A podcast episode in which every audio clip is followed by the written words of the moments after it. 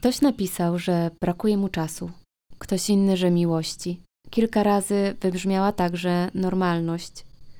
W ciągu kilku minut przeczytałam kilkadziesiąt wiadomości wysłanych do mnie na Instagramie o tym, czego brakuje Magdzie, Kamilowi, Zuzie i innym. Czego brakuje po prostu nam. Brak to fakt nieistnienia czegoś, ale może jest jeszcze nadzieja. Mam dzisiaj taki melancholijny dzień. Padało przez całą noc tutaj na Bali i przed chwilą właśnie skończyła się kolejna ulewa, więc mam szansę coś nagrać, mam nadzieję. I trochę czuję się jak taki więzień w domu, w domu, który bardzo lubię, ale właśnie teraz chciałabym z niego wyjść i tak patrzę co chwilę przez okno, z utęsknieniem wypatrując jakichś przebłysków słońca i właśnie końca tej dziwnej, jak na tą porę roku na Bali pogody. I czuję się tak, jakbym była zamknięta w dźwiękach muzyki, bo przez cały ten czas siedzę z muzyką. I czasem, jak patrzę przez te okno, patrzę przed siebie, to mam wrażenie, że wcale nie patrzę na to, co jest za tym oknem, tylko właśnie tak patrzę do wnętrza. I czuję się trochę tak jak w te jesienne czy zimowe wieczory w Polsce. I tylko brakuje mi tutaj takiego wielkiego koca, żebym mogła się zawinąć kokon i schować. I jeszcze właśnie dosłownie przed chwilą zaserwowałam sobie te wszystkie wiadomości i zafiksowałam na takim jednym zdaniu, które z każdą sekundą, jeszcze w tej całej melancholijnej scenerii, dotyka mnie coraz bardziej. I chodzi mi o ten fragment, że brak jest faktem nieistnienia czegoś. I powtarzam sobie to tak w myślach raz po raz i czuję, że wypełnia mnie taka narastająca pustka, tak jakby mi ktoś właśnie wyjął żołądek i, i zamiast niego pojawiła się taka dziura, właśnie pojawił się ten brak. I już sama w sumie nie wiem, czy ten smutek, który ogarnia mnie coraz mocniej, to jest jakiś efekt tej pogody dzisiejszej, czy może mojej hiperempatii, bo ja na trzecie mam nadzieję i wybrałam to imię podczas bierzmowania, bo traciłam wtedy wiarę w wiele rzeczy i miałam po prostu nadzieję, że jest coś lepszego niż Kościół, niż życie w strachu przed końcem i w takiej winie za radość. I od zawsze miałam w sobie wiele tej nadziei i chyba wiele razy czułam się za to osądzana. Że jestem naiwna, jestem zbyt optymistyczna, nie znam życia. I jeszcze zobaczę, czekam, aż zobaczę. I te wszystkie teksty o tym, że nic nie trwa wiecznie, e, że jestem farciarą, albo że chyba sama się oszukuję, żyjąc tak jak żyję. No i ta nadzieja była i jest cały czas obok mnie, i w takim braku ja też widziałam często nadzieję, a raczej taką nadzieję na to, że skoro jest brak, to można ten brak czymś uzupełnić, albo można odkryć jakieś piękno tego braku, a może nawet spowodować, że to nieistnienie zamieni się w jakieś istnienie, że w miejscu tego braku coś się pojawi. I ja tak sobie myślę, że mimo ile tam miałam 14 czy 15 lat i wybrałam tam to imię na tym symbolicznym bierzmowaniu, to ja jednak czuję, że to trzecie imię nie jest przypadkowe. I choć teraz zdecydowanie rzadziej o nim myślę i dawno nie przypominałam sobie o tym, że to trzecie imię posiadam, to jednak wiem, że szczególnie w tamtym czasie, w trudnych momentach, ono dawało mi siły. Wtedy sobie myślałam, że ej, no, przecież jesteś Joanna Maria Nadzieja, więc będzie dobrze, bo jest nadzieja przy tobie. I właśnie tak sobie dorabiałam historię do tego trzeciego imienia i to dawało mi jakąś motywację do działania. I czy działało? Ja myślę, że tak. I dlatego właśnie dzisiaj Przypomniała mi się to nadzieja, bo ja pochłonięta w tej mojej melancholii pomyślałam, że właśnie może czas aktywować taki tryb Joanna Maria Nadzieja i wlać trochę nadziei w te braki, do których tak wiele, wielu z nas tęskni. I jakby nie wiem, nie obiecuję, czy coś się zmieni, ale może po tych słowach, które popłyną ode mnie, zrobi się choć trochę lżej. Przynajmniej tak mi się wydaje. I trochę jest tak, że żyjemy w czasach wielkiego dostatku, a zarazem z poczuciem ciągłego braku. Wciąż jest za mało, za słabo, niedostatecznie dobrze i niewystarczająco. I uczymy się wdzięczności, ale też bardzo szybko o niej zapominamy. I nie umiemy też dostrzec tego, ile mamy w sobie, a im więcej czasu spędzamy na przykład w social mediach, tym bardziej ta niewystarczalność i widoczność naszych braków, moim zdaniem, się pogłębia. Bo zawsze znajdzie się ktoś, kto wie więcej, kto więcej ćwiczy, jest bardziej kochany, ma lepsze życie, więcej podróżuje czy więcej zarabia. A ten, do którego my się porównujemy, na pewno porównuje się do kogoś kolejnego. I ja już sama nie wiem, czy gdzieś na końcu tego całego łańcucha porównań jest ktoś, kto nie porównuje się do nikogo, bo wydaje mi się, że każdy porównuje się z kimś. No chyba, że, nie wiem, Bóg, jeżeli w niego wierzysz. Choć nie wykluczam opcji, że Bóg może porównywać się do na przykład innych bogów. I mówię w liczbie mnogiej, że porównujemy się, bo wszyscy to robimy. A przynajmniej ja nie poznałam jeszcze osoby, która by choć raz w tym stanie porównywania się z kimś nie była. I tak właśnie uwikłani w ten łańcuch porównań i ciągłego braku, wciąż i wciąż pogłębiamy ten stan. I gdy ja wpadam w tę otchłań, to ostatnimi czasy łapię od razu za długopis, notatnik w telefonie i piszę tak totalnie spontanicznie, bez żadnej kontroli, to, za co tu i teraz, właśnie w tym momencie jestem wdzięczna i jak zdesperowana ratuję się tą wdzięcznością i tą zmianą perspektywy, ale mi to pomaga. Ratuję się też pytaniami, na które nie ma takich prostych, prostych odpowiedzi, ale gdy właśnie zmienię tą perspektywę, gdy tak popytam siebie i podważę kilka swoich myśli i założeń, które właśnie w mojej głowie się pojawiły, to też robi mi się łatwiej. Więc pozwól zatem, że popytam głośno i ciebie. Przechodząc do braków, które pojawiły się w tych wiadomościach wspomnianych na początku. Kilkanaście osób napisało, że brakuje im czasu. A co gdyby czasu nie było? Gdyby była tylko teraźniejszość? A może nie ma przeszłości i nie ma przyszłości, a jest tylko tu i teraz? A jeśli tak jest, to może zamiast o braku warto pomyśleć o tym, że wciąż coś mamy, wciąż mamy czas, bo mamy teraźniejszość. Pytanie pozostaje, jak ją po prostu wykorzystamy. I tak się składa, że mówię o tym w pierwszym odcinku podcastu. I ten podcast trwa tylko 6 minut, ten odcinek. A być może właśnie dzięki temu, co tam usłyszysz, uwolnisz siebie choć trochę z poczucia braku czasu, albo właśnie ten brak zaakceptujesz.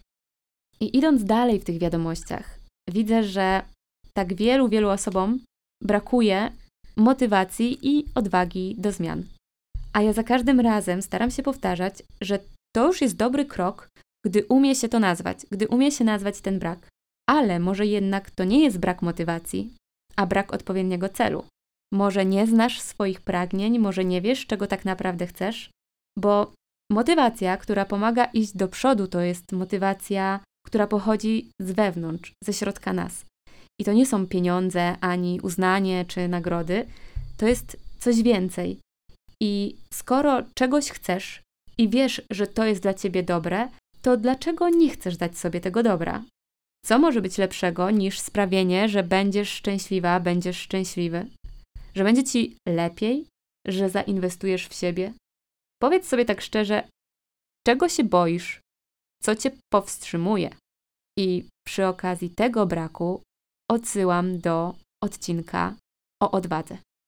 Jeszcze ktoś inny napisał, że brakuje mu celu w życiu, bo wcześniej, no w sumie tak było, że ciągle się do czegoś dążyło. Dążyło się do końca szkoły, studiów, do końca, nie wiem, do znalezienia, o, do znalezienia wymarzonej pracy. A teraz, gdy już te wszystkie etapy już są za tą osobą, to pojawia się jakaś pustka i jakiś brak. A ja tak zaczepnie zapytam, czym ten cel ma być? Co to jest w ogóle życiowy cel? I skąd pewność, że posiadanie życiowego celu sprawi, że poczujesz się lepiej? A może zamiast myśleć o celu Twojego życia, zapytaj się po prostu, jak chcesz się czuć, co sprawi Ci radość, co chcesz dawać sobie, a co chcesz dawać innym. A potem może zacznij to robić i sprawdź, czy w ogóle to jest to. A jeżeli okaże się, że to nie jest to uczucie, którego potrzebujesz, to sprawdź kolejną rzecz i zobacz, jak wtedy na nią zareagujesz. Bo ja już jakiś czas temu sobie powiedziałam, że moim celem jest mieć fajne życie. I co znaczy fajne? I po prostu dla mnie ta definicja zmienia się wraz z tym, jak zmieniam się ja, jak zmieniają się moje potrzeby, jak ja dojrzewam, z jakimi ludźmi jestem. I teraz w tej mojej definicji fajności życia jest dużo spokoju, rozwoju i właśnie tego życia w zgodzie ze sobą, a wszystko, co robię, cele, jakie sobie wyznaczam, to, to jest tylko droga do tych stanów. Ważniejsze dla mnie od celu samego w sobie jest po prostu to, jak chcę się czuć. No i to staje się moim celem. Ktoś napisał też, i nie była to jedna osoba, o tym, że brakuje jej miłości. I jak to przeczytałam, to tak sobie westchnęłam, bo, bo ja wiem, jakim ta miłość jest paliwem dla mnie. I jednak wiem też, że gdybym najpierw nie pokochała siebie, nie zaczęła tej drogi do pokochania siebie, to myślę, że nie umiałabym dawać i czerpać z miłości, która wynika z bycia z drugim człowiekiem. I dlatego tak bardzo wierzę w to, że najpierw potrzebujemy obdarzyć się sami miłością, by móc obdarowywać ją innych i by móc ją przyjmować od tych innych osób. I tak właśnie ukochając siebie, już nigdy ten brak miłości nie pojawi się. Jednak to ukochanie, jak każdą relację, też trzeba pielęgnować. I wiecie co? Nie zaskoczyło mnie to, jakie słowa występowały najczęściej, kiedy czytałam o tym, czego wielu osobom brakuje. I najczęściej pojawiało się zdanie, że brakuje normalności i wolności.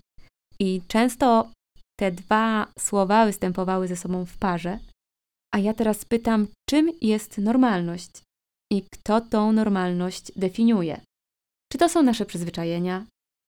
Czy może jakiś wycinek globalnego świata, który względnie był stabilny jedynie przez kilka ostatnich lat, a w których my mieliśmy szansę akurat dojrzewać, rozwijać się i kształtować siebie? I czym w ogóle jest dla ciebie wolność? Czy jesteś gotowy, gotowa o tą wolność zawalczyć? Czy rozumiesz, o co chcesz walczyć? I czy dla tej normalności i wolności jesteś w stanie wyjść ze swojej strefy komfortu i pożegnać się na jakiś czas ze swoim spokojem? A może w tej nienormalności i niewolności warto znaleźć sobie swoje nowe miejsce? Ludzie tracą swoją wolność, gdy na to pozwolą. To jest bardzo mocne zdanie. I zapytaj siebie, jak ty się z nim czujesz. Brakuje nam też oddechu, spokoju, natury, a co zabawne, to właśnie w tej naturze te rzeczy najprościej odnaleźć. Przeczytałam ostatnio, że zachwyty nad naturą są takimi momentami, w których nie myślimy, tylko po prostu się zachwycamy. I to jest taki najczystszy stan bycia tu i teraz.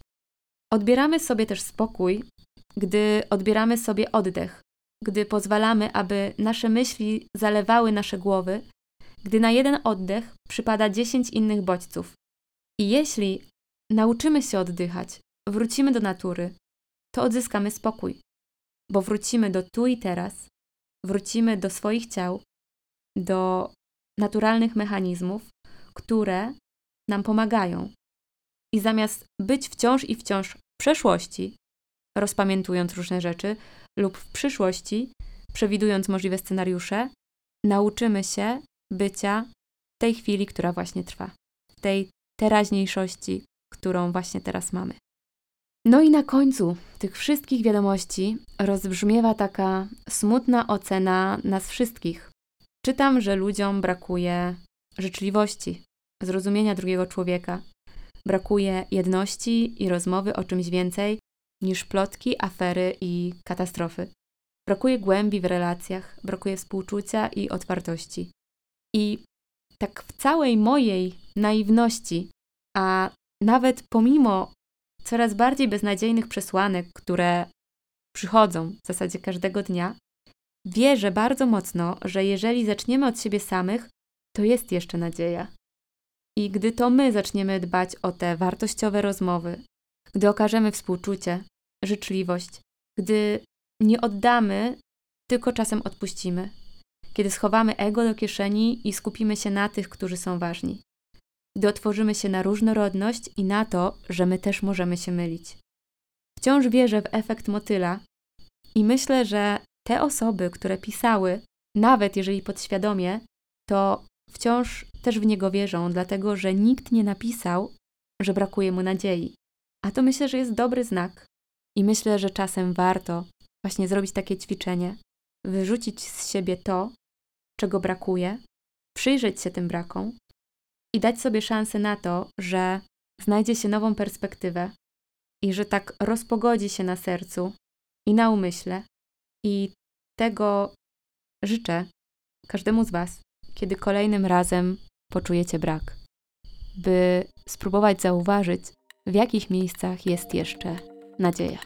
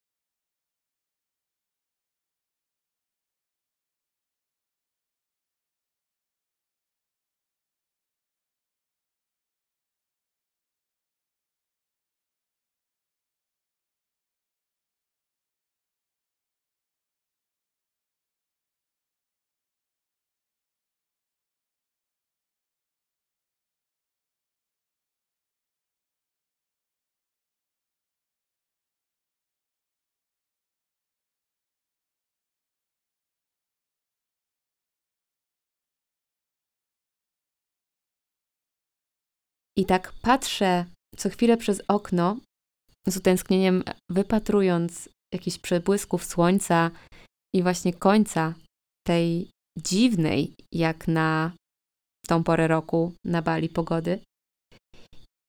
I czuję się tak, jakbym była zamknięta w dźwiękach muzyki, bo przez cały ten czas siedzę z muzyką. I czasem, jak patrzę przez te okno, patrzę przez siebie, patrzę przed siebie, to mam wrażenie, że wcale nie patrzę na